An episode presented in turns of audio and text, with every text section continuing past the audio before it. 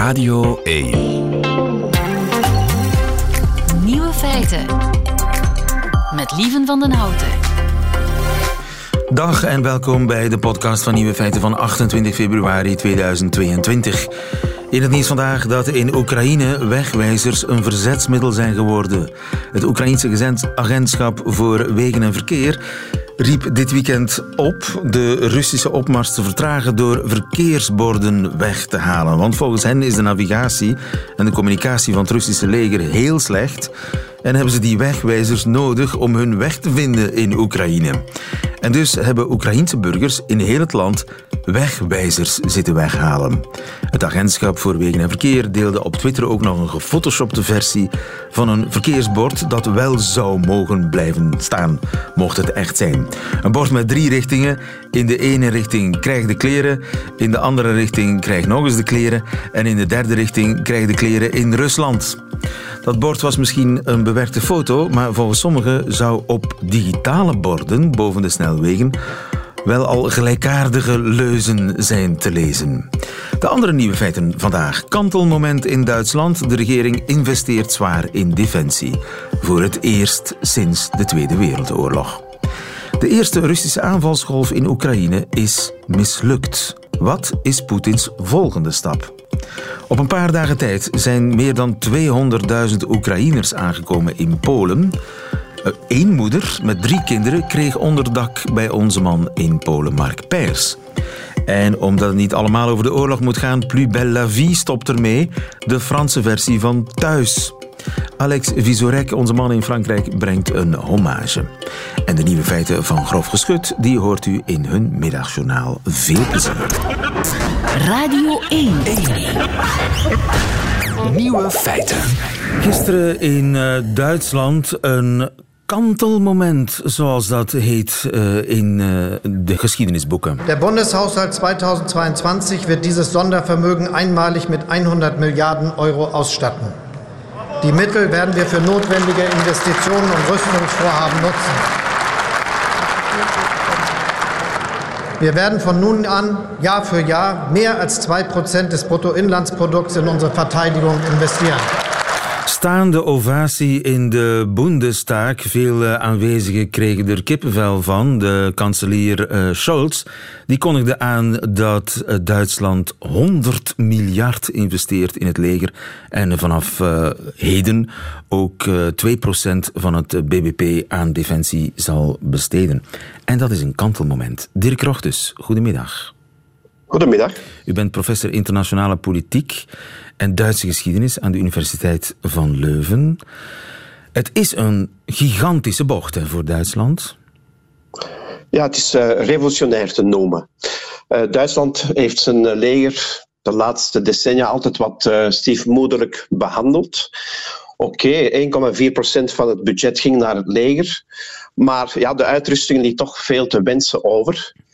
En nu ja, is er dit uh, speciaal fonds, uh, 100 miljard euro, weliswaar gespreid over vier jaar. Dat betekent dus uh, dat men op die manier de schuldenrem kan ontwijken. Hè, want vanaf volgend jaar wordt de schuldenrem weer ingevoerd. Mag de regering geen nieuwe schulden maken, maar op deze manier wordt dat omzeild. Dus 100 miljard extra voor uitrusting en materiaal. Ja. En dat is natuurlijk in het licht van hè, wat er allemaal gebeurd is. De Russische invasie in Oekraïne. Dat heeft toch wel een beetje de Duitsers het daarvoor op het lijf gejaagd. Hè, van, en ook het gevoel, het besef dat ze iets moeten doen. Hè, dat ze meer solidariteit moeten tonen met ja, het Westen en met een, een land dat uh, in de verdrukking is geraakt. Ja, maar dat is toch een breuk met een politiek en een defensiedoctrine, zeg maar, die al geldt sinds de Tweede Wereldoorlog en die gebaseerd is op het Duitse schuldgevoel. Dat klopt. De Bundeswehr is pas, in, is pas in 1955 opgericht, dus tien jaar na de Tweede Wereldoorlog. En dat heeft heel wat voet in de aarde gehad. Want oké, de Amerikanen hebben er natuurlijk toen op aangedrongen dat West-Duitsland eh, zich zou herbewapenen, een leger zou opstellen. Maar bij de bevolking kwam dat niet altijd zo goed over. Er zijn toen eeuwige debatten gevoerd in Duitsland, West-Duitsland uiteraard. Maar uiteindelijk ja, is het er dan toch doorgeraakt. Maar dan nog heeft het uh, ja, bijna 40 jaar geduurd vooraleer uh, de Bundeswehr de toestemming kreeg om uh, deel te nemen aan buitenlandse missies. Het is pas op 12 juli 1994 dat het Grondwettelijk Hof heeft gezegd van ja, Duitsland of de Bundeswehr mag eh, deelnemen aan vredesmissies, altijd in het kader van de NATO. Maar daarvoor was dat taboe. Duitse troepen in het buitenland, dat kon niet. Begin jaren 90 met eh, de oorlog in Joegoslavië, ja, daar werd er ook aan Duitsland gevraagd, doe iets, help mee. En dan heeft de toenmalige kanselier Helmut Kohl gezegd van nee, we sturen geen Duitse troepen naar die gebieden waar de Weermacht eh, heeft gewoed. De Weermacht heeft ook in Joegoslavië tijdens de Tweede Wereldoorlog gewoed. Dus, ja, en ook in Oekraïne, overigens. Ja, inderdaad. Ja, ja, ja. ja, die namen die men nu hoort eh, van Oekraïnse steden, dat zijn namen die men natuurlijk voor het laatst in de Tweede Wereldoorlog ook in de, de uh, meldingen van het Overcommando de Weermacht heeft gehoord. Hè. Dus uh, dat ligt allemaal natuurlijk heel gevoelig. Ehm, van ja, we mogen eigenlijk niet meer te veel soldaatjes spelen, als het ware. Hè. Dat was zo'n beetje de houding in ja. Duitsland. We hebben al genoeg ellende over, over Europa en over de wereld gestort met onze militaristisch verleden. Dus ja, we moeten ons gedijst houden. Dat was zo de filosofie. En ze hebben ook altijd uh, ja, de beste relaties proberen te onderhouden met Moskou. Dat klopt uh, ook. Um, dat gaat eigenlijk terug op een hele lange traditie. Maar zeker na de Tweede Wereldoorlog, ja, men streefde naar de eenheid, de Duitse eenheid. Duitsland was opgedeeld in Bondsrepubliek en DDR. Maar om die Duitse eenheid in de verre toekomst eventueel te kunnen verwezenlijken, moest men natuurlijk op, op goede voet staan met de Sovjet-Unie. Want soms was de DDR een, een, een satelliet van, van de Sovjet-Unie. Dus als men eigenlijk meer contacten wilde hebben met de DDR, ging dat eigenlijk via Moskou. Dat is één. En twee, natuurlijk, heeft men ook altijd heel goede economische relaties met, eh, met Rusland onderhouden. Hè? Dus uh, er zijn duizenden firma's actief in Rusland. Duizenden Duitse firma's. Hm? Juist, ja. En ook, ook de voormalige bondskanselier Schröder, die, die diep in, in Gazprom zit... Uh, uh, ja, genesteld. Dus er is een, een hele traditie van Duitse-Russische goede betrekkingen. Er is een traditie van pacifisme, een traditie van het leger op de achtergrond houden. Ministers van Defensie zijn niet bepaald de sterren van de, van de Duitse regering tot nog toe. Dat is een traditie van 75 jaar, als ik het ruim reken.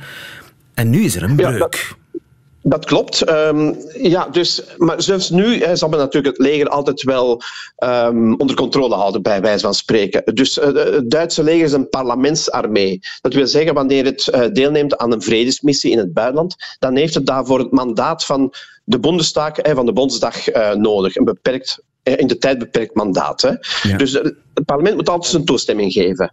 En, en, en soldaten, uh, ja, die worden omschreven als staatsburger in uniform. Dus ja, ja. een soldaat is in de eerste plaats een burger die dan toevallig een uniform draagt. Dus uh, het leger is volledig ondergeschikt aan de politiek en aan de maatschappij. En dat pacifisme, ja, dat is inderdaad uh, na de Tweede Wereldoorlog opgekomen als reactie tegen ja, de, de gruwelen die, die tijdens de Tweede Wereldoorlog zijn gebeurd in, in naam van Duitsland. Ja, als nu het meest pacifistische Europese land afscheid neemt van die politiek en zegt we zijn eigenlijk naïef geweest, wij moeten die achterstand inhalen, 100 miljard euro in defensie pompen, meer, een, een sterker leger hebben, ja, dat betekent iets, hè? Ja, er is veel kritiek geweest op Duitsland de laatste tijd. Dus Duitsland weigerde wapen, defensieve wapens te leveren aan uh, Oekraïne. Uh, met als, als, argument, ja, dat is oorlogsgebied, dat is crisisgebied, dat doen we gewoonweg niet. Maar er was enorm veel kritiek, vooral ook in de Duitse media en ook van buitenaf natuurlijk. Hè. En die druk is zo groot geworden uh, dat, dat uiteindelijk de regering gezwicht is en een, een, een bocht heeft gemaakt, ja. hè, zoals blijkt uit die toespraak van Olaf Scholz. Ja, uitgerekend onder Olaf Scholz, een SPD'er. Zou dit onder Merkel ook gebeurd zijn, denkt u? Ja, het waren natuurlijk andere omstandigheden, maar Merkel was altijd heel voorzichtig op dat vlak, maar die kon natuurlijk ook plotseling een bocht maken, hè, zoals we dat gezien hebben met de, de kernuitstap naar Fukushima. Dat, zij was daar ook toe in staat om een bocht te maken. Uh, maar de SPD ja, is een beetje zoals de partij van de CDU, is, is wel eigenlijk um, gebonden aan, aan de staat en, en is bereid om, om iets te doen voor de staat, dus ook het leger te versterken. Maar het, het grote probleem zit eigenlijk bij de Groenen, hè. die zitten ook in de, de regering. En die zijn altijd uh, ultra-pacifistisch geweest. En het feit dat zij dit meedragen. Uh, Stonden ze ook zij die, aan de staande ovatie mee te doen? Ja, ze hebben dat ook toegejuicht. Ze, ondersteunen dat volledig. Omdat ze zeggen van ja, we moeten eigenlijk um, onze internationale verplichtingen nakomen in het kader van de NATO. En we moeten eigenlijk een, een, land zoals Oekraïne, dat nu aangevallen wordt, dat moeten we mee helpen verdedigen. Ik bedoel, natuurlijk niet met soldaten of zo, maar met uh, leveringen van wapens. Dus de Groenen zijn eigenlijk degene die de grootste bochten nemen hier. Ja, ja. En de vraag is natuurlijk hoe dat hun achterban dat zal uh, oppikken. Ja, ik vraag me ook af uh, hoe ze dat zullen horen in Moskou. Ik denk dat ze daarvan hun stoel gevallen zijn. Dat had ze wel ja, niet daar zijn er natuurlijk uh, niet over te spreken. Hè. Duitsland dat toch altijd uh, een goede maat was van Moskou. Ja, dat, dat komt zeer slecht over natuurlijk. Hè. Uh, maar goed, um, Duitsland is natuurlijk een machtig land, ook economisch. Rusland weet ook dat het ehm, Duitsland niet zomaar kan laten vallen, als het ware. Hè. Dus, dus of beledigen. Dus ja, ze, ze tanden, ze tanden knarsen eigenlijk in Moskou nu met wat er gebeurt in, in uh, Berlijn. Ja, kantelmoment in Berlijn, kantelmoment in uh, Europa en in de wereld. Die uh, beslissing van de Bundestag in Duitsland. Dankjewel, Dirk Rochtus. Goedemiddag. Graag gedaan. Nieuwe feiten.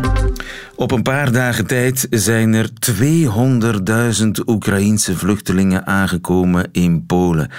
200.000. Dat zijn er meer dan in de grootste vluchtelingencrisis in Europa op een jaar. Onder hen Yevgenia en haar twee zoontjes en één dochter. I am Yehor. I am Katja. I am Yaroslav. I am Yevgenia. We came from Ukraine. Now we are in Poland. I don't know where we have to go.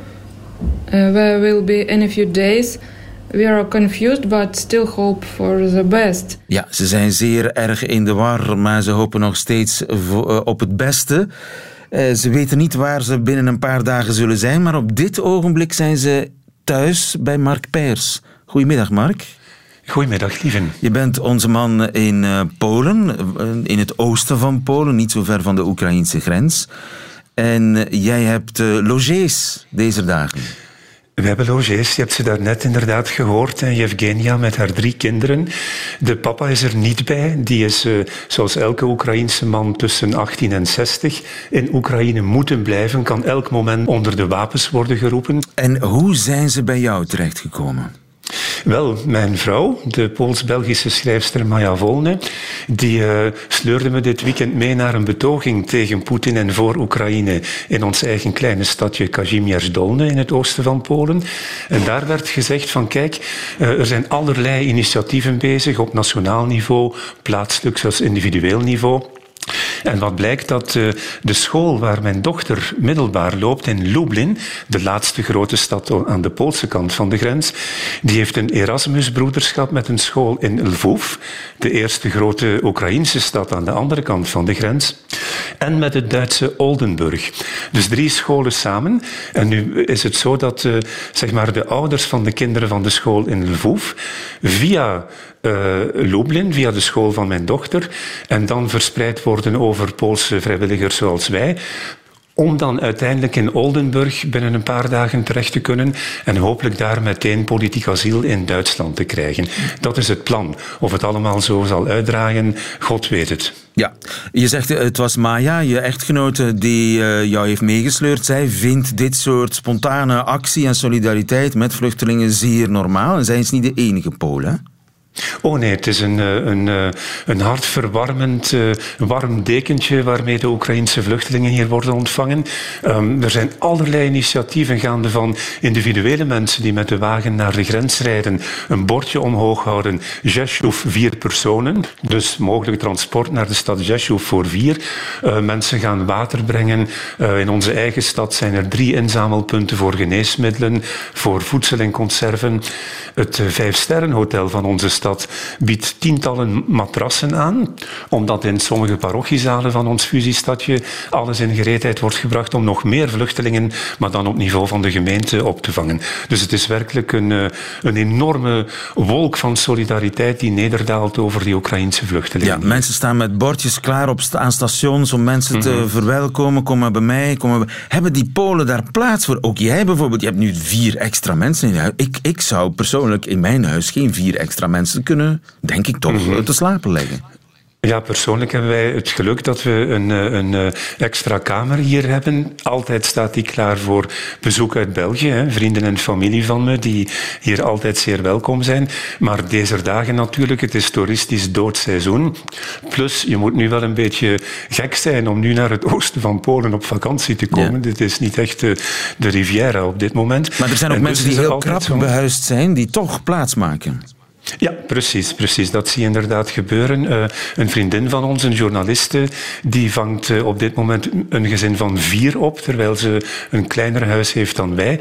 Nu, zij zelf gaat uh, naar Lvov om reportages te maken en ja, haar echtgenoot zit dus met de zorg voor het huis en vier Oekraïnse vluchtelingen.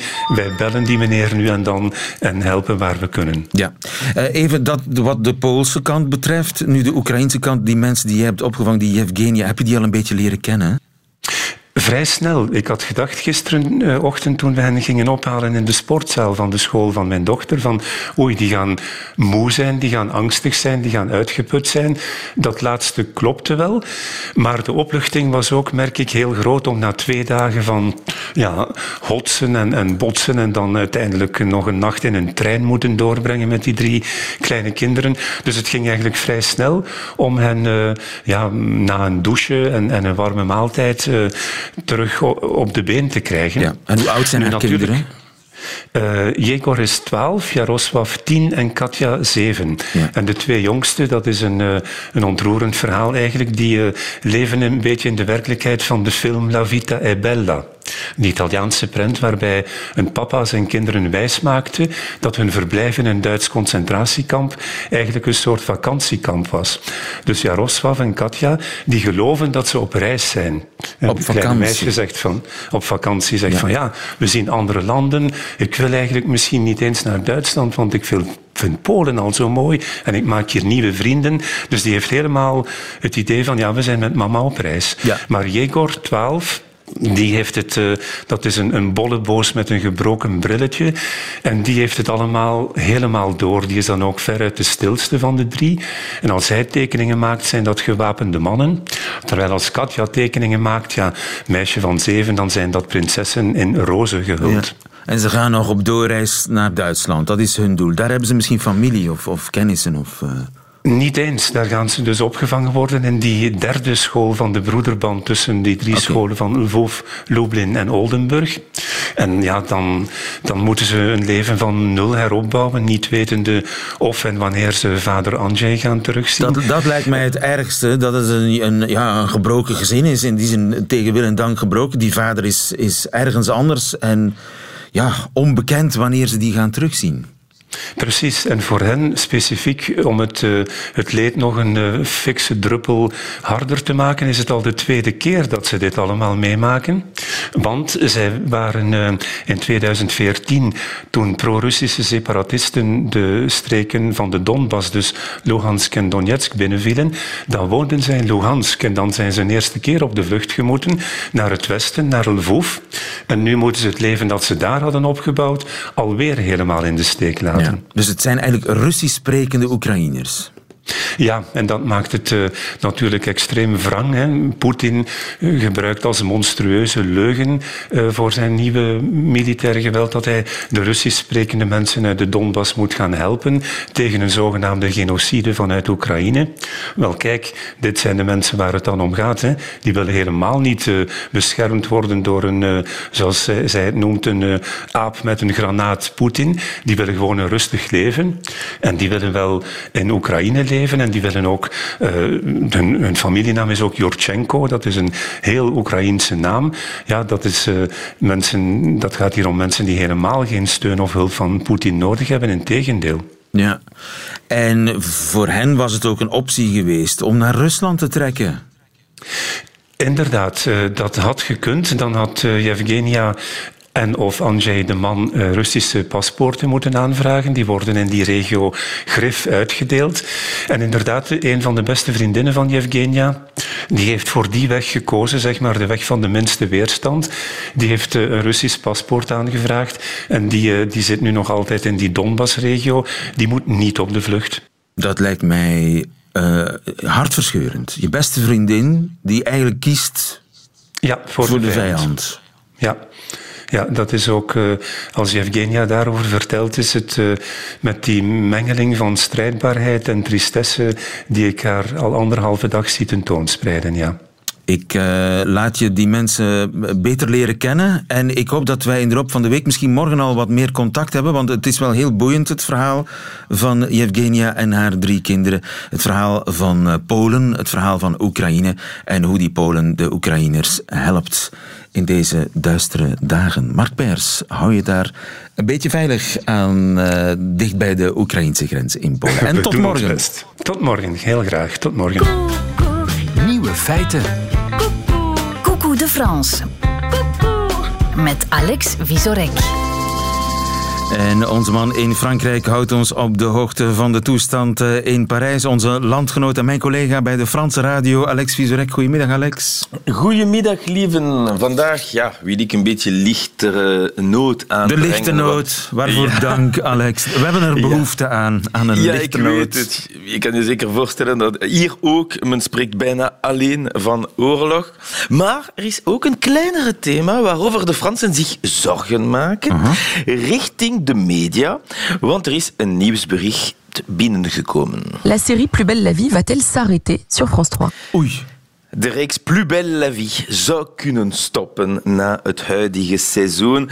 Als je naar de Franse televisie kijkt rond 20 uur 20 zo, ben je dit misschien al tegengekomen. Si on tend la main pour Heb je dat al gehoord? Ja, ik zit hier te swingen. Plus belle la vie, dit is dus kennelijk het kenwijsje. Ja, Plus belle la vie is namelijk de Franse thuis. Ah. Een reeks ja, die al 17 jaar bestaat en die tijdens deze 17 jaar elke dag van maandag tot vrijdag te bekijken was. Dat betekent 4500 afleveringen in totaal. Het blijft een pak minder dan thuis, maar hier is dat een absoluut record. Er is sowieso geen enkele andere reeks die boven de duizenden afleveringen gekomen is. En nog meer indrukwekkend, het is de meest gestreamde reeks in Frankrijk. Meer dan het superpopulair Game of Thrones. Dat zegt veel. Om er een beeld van te geven, Plus belle la vie vindt eigenlijk plaats in een fictieve wijk van Marseille. De wijk van Le Mistral. En dan wat weet je dat het fictie is? Omdat alle personages het accent van Parijs hebben. We volgen dus het dagelijkse leven van een groep inwoners uh, van de, deze wijk. Uh, en het is een vrij brede groep. In de afgelopen 17 jaar zijn er meer dan 2300 personages in de reeks geweest. Huh? En ja, 2300 personages. Ja, ja, en daarvan 257 precies van die personages zijn doodgegaan. Dat, ja, dat is wel meer dan thuis. Dat, dat is wel een record. Ja, ja, ja. En eh, dat zegt vooral veel over de vele twisten en cliffhangers in deze soap. Sommige van die personages waren ook iets specialer. Plus belle la vie was eh, interessant genoeg om wat guests, comme on dit en bon français, aan te trekken. En ook soms Belgen zou je deze vrouw herkennen. Vous vous souvenez pas de moi On s'est rencontrés à Copenhague en 2005. Justine Hénin. Justine Hénin Justine. Ja, Ook een rol gekregen in de Franse versie van Thuis. Ja, een kleine rol, maar een rol toch. Eh, je moet weten dat de reeks op de RTBF uitgezonden is en dus ook heel populair is in Franstalig België. Maar er is ook eh, vooral één opmerkelijk en originele kenmerk van Plus belle la vie. Er is dus elke dag een nieuwe aflevering en elke aflevering vertelt de gebeurtenis van die dag zelf. Als je de aflevering van eh, 28 februari 2022 bekijkt, is het ook die dag voor de personages van Plus belle la vie. Ze vieren dus Valentijn of Kerst of La Fête de la Musique op dezelfde dag als de kijkers. Ja, de wijk van Le Mistral beleeft dezelfde dingen als de gewone Fransen. En niet alleen maar feesten, maar ook onmisbare actualiteit. Quand la fiction rejoint la réalité. La mort de Johnny Hallyday continue de bouleverser les médias. Plus belle la vie, le feuilleton euh, de France 3, habitué à coller au plus près du quotidien des Français, ne pouvait pas passer à côté euh, de sa disparition. Le Mistral a donc rendu hommage au rocker en chanson. Retiens la nuit. Oh, wauw. Dus toen Johnny Holiday overleden is, hebben de personages er de- die dag een hommage gebracht aan... eh, Ja, voilà. De, Want doen, ze doen alsof het...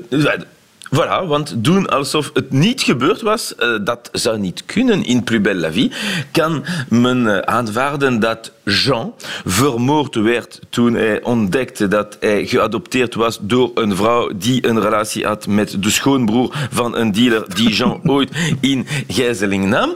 Maar eh, dat niemand triestig zou zijn dat nadat Johnny Hallyday overleden is... Dat kan niet. Dat is ongeloofwaardig. Nee, ongeloofwaardig. In dit geval wordt er dus een extra scène, last minute, opgenomen. En eh, omdat, de Fransen, omdat we in Frankrijk zijn, eh, is het ook onvoorstelbaar dat ze niet over politiek debatteren in een café in Marseille. Vooral op de dag na een presidentiële verkiezing, zoals in 2007. Bon, bah, toi, au moins, tu caches pas que le résultat des élections te fait plaisir. Ah oui, je trouve qu'on a eu un vote intelligent. Ah, mais moi, de te dire, c'est pas la vie de tout le monde. Bon, bah, de toute façon, les Français ont fait leur choix. C'est la démocratie. Hein Puis maintenant, on va voir ce que Sarko va faire. Wauw.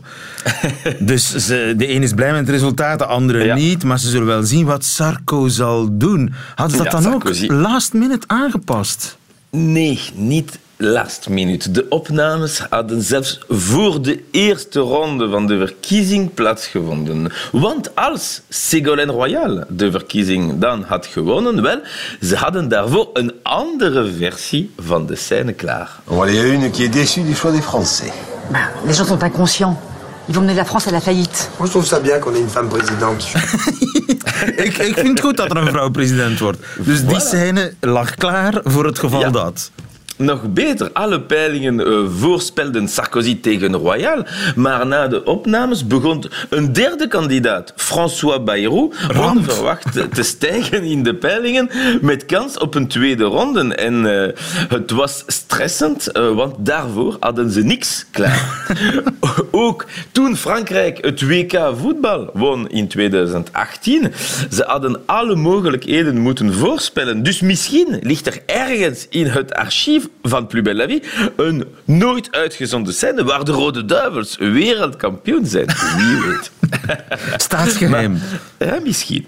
Maar eh, al deze wonderlijke verhalen zouden dus dit jaar kunnen ophouden, tenzij France Television toch wel last minute het contract zou verlengen. Want anders, ook al is het succes van de reeks de laatste jaren wat gedaald, zou het toch wel het einde van een bijzonder monument van de Franse televisie betekenen.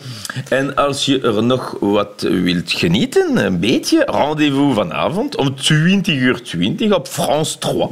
En volgende week kom ik terug met een andere boeiende Franse soap, La Campagne, pour l'élection présidentielle. Ja, en die serie is voorlopig nog niet afgelopen. Dankjewel in Parijs voor ons, Alex Vizorek. Goedemiddag, tot volgende week. It's equally Radio 1. Nieuwe feiten.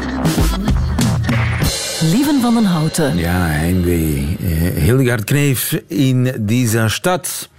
Op de A12 van Brussel naar Antwerpen moet u in Meissen uitkijken voor een obstakel op de linker rijstrook.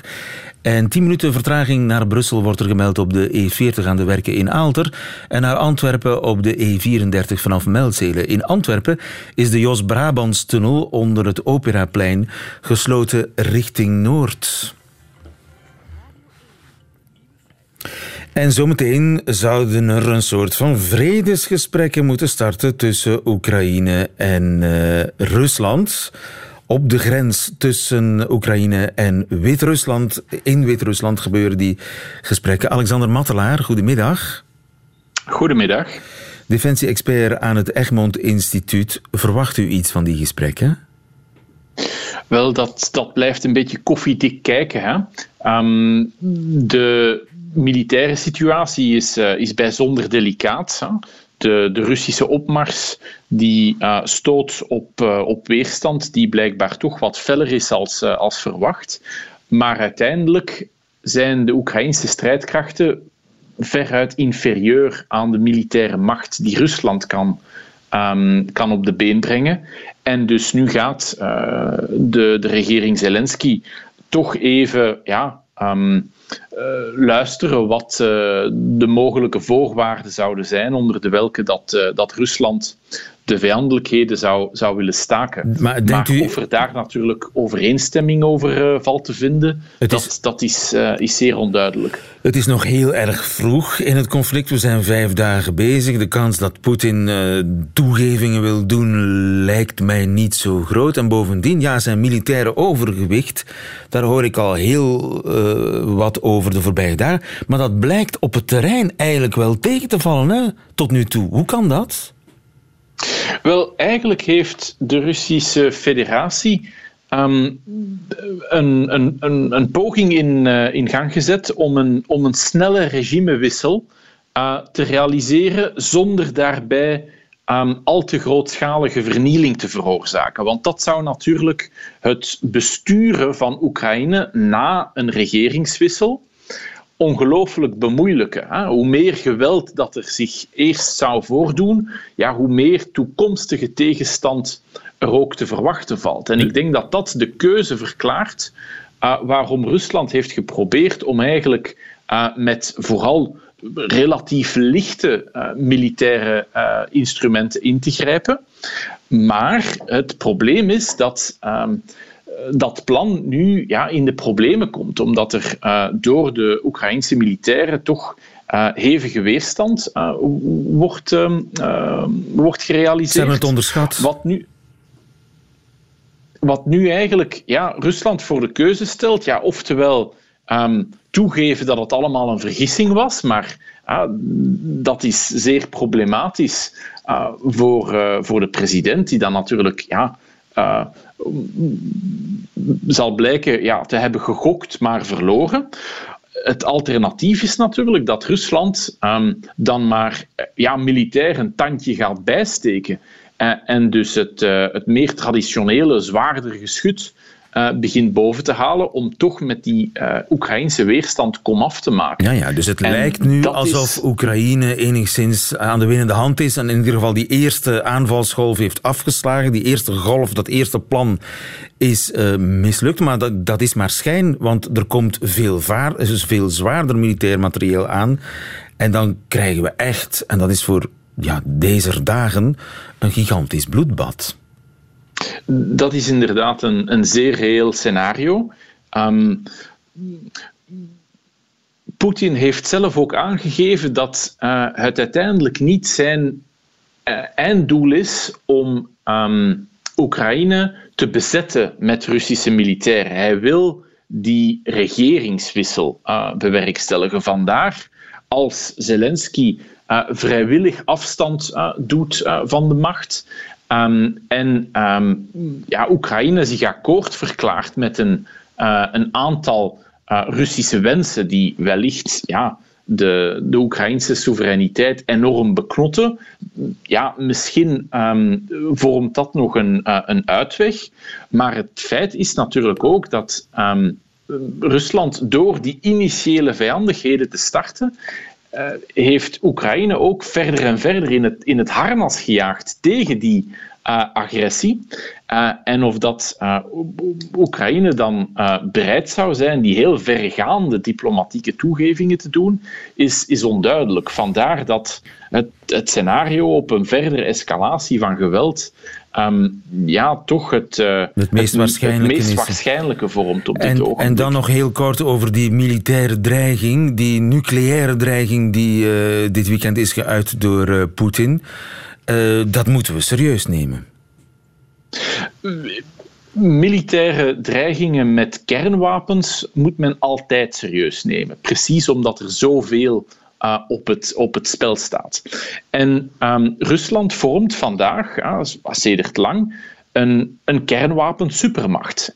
En zij benutten eigenlijk toch vrij frequent, zou ik zeggen, hun ehm, zeer omvangrijke kernwapenarsenaal als een soort van instrument voor ehm, intimidatie te bewerkstelligen. Omdat natuurlijk alle Russische buurlanden hè, zijn geen kernwapenstaten, zijn dus enorm kwetsbaar Ja. uh, voor dat soort extreme escalatie. En hoe moeten we daar nu op Ehm, reageren?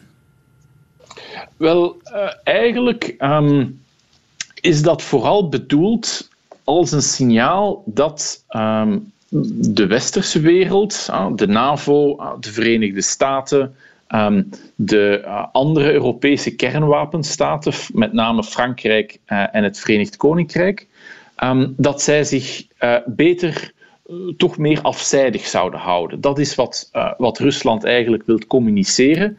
En dan met name als er die verdere escalatie komt, dat ehm, het weinig waarschijnlijk of weinig verstandig zou zijn vanuit westers oogpunt om daar ehm, zich dan ook verder in te gaan mengen. Want dat is natuurlijk ook het grote probleem voor Poetin nu. Het is dat die westerse bluffpoker op een eh, hoog niveau. Ik moet hier afronden, helaas, Alex, eh, Alex Matelaar, want eh, we moeten plaatsmaken voor grof geschut in het middagjournaal. Nieuwe feiten. Voilà, dat waren ze, de nieuwe feiten van 28 februari 2022. Alleen nog die van Grof Geschut, het Hollands-Vlaamse duo in hun middagjournaal nu. Nieuwe feiten. Middagjournaal. Beste luisteraar, grof geschut, een naam waar je je in deze tijden bijna voor zou schamen. Maar anders dan het middeleeuwse, barbaarse grofgeschut dat door Rusland wordt ingezet, is ons geschut met een D. De D van compleet door elkaar geschud worden door nieuws dat uit een ander tijdperk lijkt te komen. De D van finaal in de war raken door maatregelen die worden getroffen, maar van geen flauw benul hebben wat er wel zou moeten gebeuren. Gisterenavond maakte Europa 450 miljoen euro vrij om de aanschaf van wapens voor Oekraïne te financieren. Op sociale media zagen we een meme voorbij komen die die beslissing goed samenvat. Je ziet Legolas, Aragorn en Gimli uit The Lord of the Rings één voor één trots verkondigen aan Frodo, de kleine weerloze hobbit die het grote kwaad moet trotseren: You have my bow and my sword and my axe. In de film wandelen de vier helden vervolgens samen richting het kwaad. Op de meme zie je de kleine hobbit beladen met wapens helemaal in zijn eentje het strijdveld betreden. hey, Oekraïne, hier heb je een ton geweren. Ejoe! Wij zijn kinderen van een tijd waar oorlog een ver van ons bedshow was. Kinderen van de langste vrede in Europa. Zelfs mijn grootmoeder had enkel vage verhalen uit haar vroege kindertijd over vluchten naar Frankrijk in een bakfiets waar ze normaal brood in rondbrachten. Het dichtste bij oorlogsgebied dat ik in mijn leven al ben geweest, is oud en nieuw vieren in de studentenbuurt waar we woonden tijdens onze studie in Den Bosch. Dan vlogen de vuurpijlen van de marginalen van onze samenleving u om de oren. Een jaar inkomen aan opgekropte frustraties over hun verpieterde achterstandswijk in een paar minuten de lucht ingeknald. Of gisteren nog, carnaval. Precies twee jaar na de grootste brandhaard van het coronavirus in Nederland vierden ze dat heugelijke feit alsof er niets aan de hand is, met parades, volle kroegen en het delen van worstenbroodjes. De wereld staat in brand, stop je kop maar in het zand en van je la la la En lieve la la. luisteraar, ik trek dat niet meer. Hoe ze in Nederland doodleuk de andere kant op kunnen kijken, ik trek dat niet meer. Goh, ja, Mirte, het is nu niet dat dat hier helemaal... Lander, laat me even. Ja, Aalst carnaval is ook gewoon aan het doorgaan. ik probeer hier een punt te maken. Ik probeer de mensen in België gewoon inzichtelijk te maken waarom ik heb besloten wat ik heb besloten. Dan gaan ze wat ik heb besloten ook veel beter begrijpen. Ja, Mirten heeft iets besloten. Iets drastisch. Iets dat nogal wat verandering teweeg gaat brengen. Een beweging in gang zal zetten, durf ik zelfs te zeggen. Iets dat ons Vlamingen niet onberoerd zal laten. Enfin, onberoerd is misschien zelfs nog eufemistisch verwoord. We gaan ons serieus mogen... Maar eh, daarover morgen meer. Nu gaan we Landers grootmoeder geruststellen. Het mensje denkt al een hele week dat ze vroeg of laat terug naar Frankrijk moet beginnen fietsen. Ik hoop uit de grond van mijn hart dat het niet zo ver komt. Ik heb namelijk een hele slechte conditie. Tot, morgen.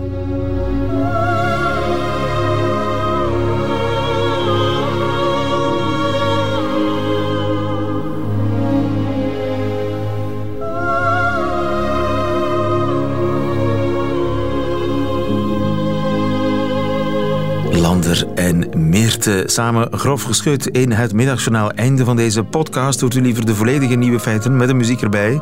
Dat kan natuurlijk via radio1.be of de Radio 1 app. Dat is on demand.